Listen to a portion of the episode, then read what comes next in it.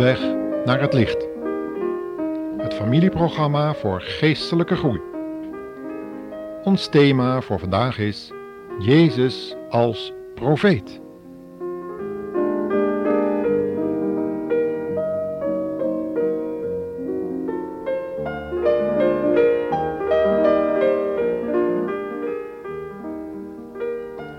Er zijn heel wat gelovigen die de naam van Jezus hoogachten vanwege zijn werken, tekenen en wonderen. Jezus is een wonderbare en grootse profeet, zegt men dan.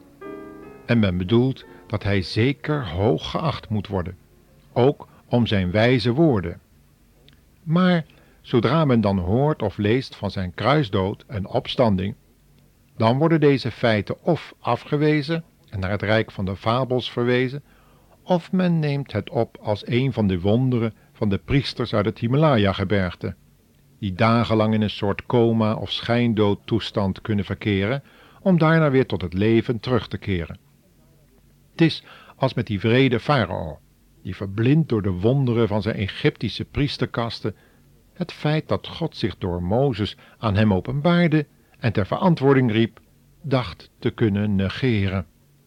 Het hart wordt door deze wonderen verhard en onbereikbaar voor Gods genade.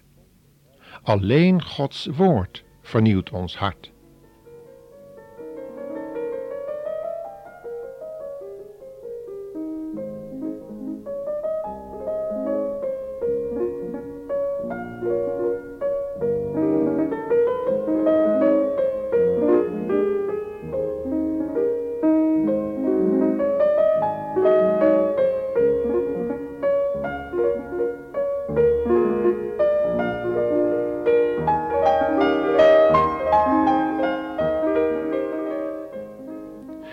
Wanneer we verder gaan met de bestudering van de tweede les in de ervaring van die Emmausgangers uit Lucas 24, maar nu de versen 17 tot 20, merken we op dat ook zij verblind waren door hun eigen gedachten over wie Jezus nu eigenlijk was geweest en wat hij zou moeten doen.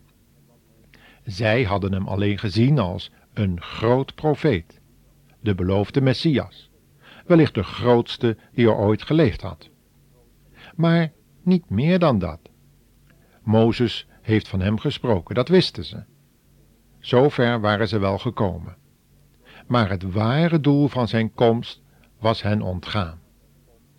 Veel gelovigen komen ook niet verder dan deze discipelen.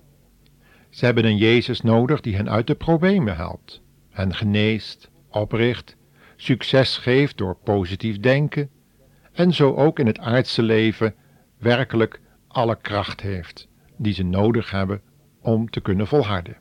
En dan bovendien nog eeuwig leven schenkt in de nieuwe hemel en de nieuwe aarde. Maar in deze gedachtegang hoort geen kruis. En een juk hoort er ook niet bij. En zo blijven ze staan op de kruispunten van het leven, waarin de moeite, de zorg en de lijden de frustratie, de gevolgen van de zonden op hen afkomen, terwijl Jezus hen zo in hun ongeloof en traagheid moet aanspreken, zoals onze tekst het zegt. Luister maar. Waarover loopt u zo druk te praten? vroeg hij. Ze bleven stilstaan en keken hem met droevige ogen aan. Een van hen, Cleopas, zei: U bent zeker de enige in heel Jeruzalem die niet weet wat voor verschrikkelijke dingen er de afgelopen dagen zijn gebeurd. Wat voor dingen dan? vroeg Jezus. Wel, zeiden ze, wat ze hebben gedaan met Jezus van Nazareth. Die man was een profeet. Hij deed ongelooflijke wonderen en was een geweldig leraar. Hij stond hoog in aanzien bij God en de mensen. Maar de hoge priesters en leiders van ons volk hebben hem gevangen genomen, uitgeleverd aan de Romeinen, en die hebben hem gekruisigd. Herkent u bij deze gefrustreerde discipelen uw eigen gevoelens van onmacht, teleurstelling en verwondering, dat er iemand was die niet op de hoogte leek en ook niet in verwarring kwam door dat onbegrijpelijke kruis in ons leven? De meeste mensen proberen dat kruis weg te redeneren, te verdoezelen, te verzachten of te verklaren. En zelfs zijn er christenen die eenvoudig het kruis en het lijden ontkennen en daarom ook medicijnen weigeren, omdat men als christen niet ziek zou behoren te zijn. De oorzaak dat men zwak of ziek is, zou dan gewoon ongeloof zijn. Is het wonder dat er christenen in psychiatrische inrichtingen gevonden kunnen worden, met waandingbeelden en zielsconflicten?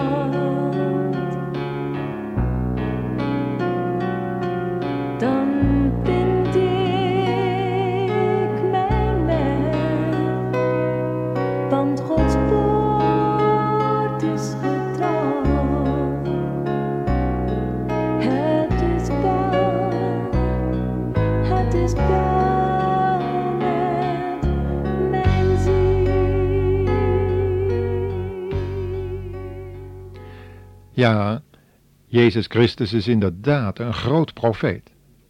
De grootste van allen die er ooit geweest zijn en na hem zouden komen. Hij heeft als profeet niet voor niets gezegd dat hij de weg, de waarheid en het leven was. En dat niemand tot God de Vader kon komen dan alleen maar door hem. Ik weet het, die uitspraak wordt niet door iedere gelovige aanvaard. Maar laten we de lessen van Jezus die hij doorgaf aan deze zoekende discipelen toch tot ons nemen. Het is de moeite en de tijd die we ervoor uittrekken zeker waard. Heeft u het wel eens meegemaakt dat er plotseling een volkomen onbekend persoon uw leven binnenkwam en die naar uw diepste levensvragen vroeg? Iemand die werkelijk belangstelling uh, toonde in uw persoonlijke noden? Die mensen zijn er niet zoveel, dat weet ik. Maar God zendt ze toch af en toe op onze levensweg, om ons iets van Gods vaderhart te laten zien. Waardeer zulke ontmoetingen. Ze zijn werkelijk goud waard. De discipelen onderbraken hun reis in ieder geval, om vol verbazing naar die vreemdeling te luisteren en hem vragen te stellen. Laten wij dat ook doen. Zo moeten we op de kruispunten van ons leven ook de moeite nemen om tijd af te zonderen, om ons te bezinnen, zeker wanneer er iemand op je weg komt die de antwoorden op je vragen lijkt te hebben. We moeten leren luisteren naar de belangstellende vragen die ons gesteld worden, juist als het kruis in ons leven komt. Al kennen we de vragensteller nog niet. Als iemand belangstelling toont in onze zielsgezondheid, dan is dat belangrijker dan onze lichamelijke gezondheid. Ik weet het, niet iedereen zal deze visie met mij delen. Maar Johannes schrijft in zijn derde brief het volgende: Geliefde, voor alle dingen wens ik dat het u goed gaat, zoals het uw ziel goed gaat.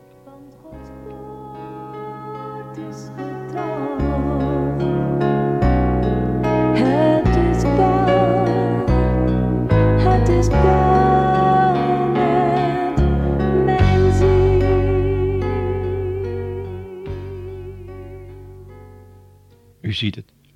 Ik heb in mijn visie de oude en wijze apostel Johannes naast me staan. En hij kan het weten. Want zijn visie is ernstig en zwaar beproefd op het eiland Patmos, toen hij om zijn geloof verbannen werd. Wij mogen onze levensvragen met belangstellende vreemdelingen delen en naar hun visie op het leven en het lijden van deze tegenwoordige tijd vragen. Het mooie is dat mensen die uw ziel op het oog hebben, u altijd uit laten praten. U zelfs, zoals Job, Elia en Jeremia en anderen, de gelegenheid geven God de schuld te geven van alle ellende op aarde. Het is de geest van Christus die dit toelaat in onze woorden, hoewel diezelfde geest ons later voor die woorden ter verantwoording zal roepen, omdat ze ingegeven worden door hoogmoed, namelijk u wil als God zijn. Paulus zei hierover in Romeinen 9, vers 20 en 21. Hoe durf je zo tegen God te spreken? Het maaksel zegt toch ook niet tegen zijn maker: Waarom hebt u mij zo gemaakt? Een pottenbakker mag toch met een stuk klei doen wat hij wil? Als Satan als storm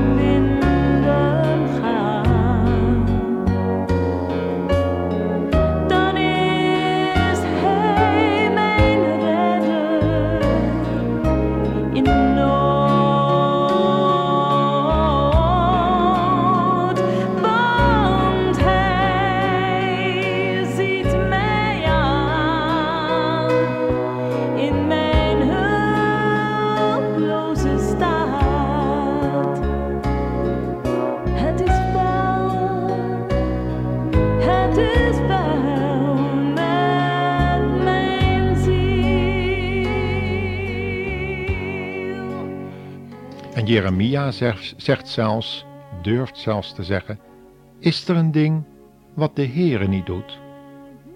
Er zijn heel wat onbegrijpelijke dingen in het leven van de mensen. Wanneer we werkelijk geloven dat God almachtig is, dan zullen we moeten erkennen dat Hij ook boven de Satan staat, de vijand van onze ziel. En dat Hij eerst toestemming zal moeten geven wil de Satan iets in ons leven kunnen bewerken. Maar het feit dat de duivel dit kan, komt omdat wij hem een voet geven, een open deur. En dat wil Christus ons leren. Hij wil die deur aanwijzen, waar wij hebben voeding gegeven aan zulke vaak godlastelijke gedachten. En zo liggen de kaarten voor ons. En zo lagen ze ook voor deze arme, tobbende en blinde discipelen van Jezus. Maar toch laat Jezus ze uitpraten en ondervraagt ze steeds maar weer. Evenals hij dat op dit moment met u en mij doet. En dat ook deed bij Elia op de berg, toen deze dacht dat hij de enige was die als oprechte man overgebleven was. We kunnen niet om die vragen heen over het wie, wat, waar en waarom van het kruis. Zelfs niet als je het wilt begrijpen, maar het niet kunt. Maar je kunt het in ieder geval bespreekbaar maken met anderen, die met diezelfde vragen rondlopen. Maar gaan we dan ook op de knieën? Doen we het woord van God open en laten we de Heilige Geest de ruimte geven die hem toekomt? En volgende keer, luisteraar, zullen we op de derde les ingaan, die we kunnen leren van Jezus zelf die bezig is zich aan zoekende mensen te openbaren. God zegen u en tot de volgende uitzending.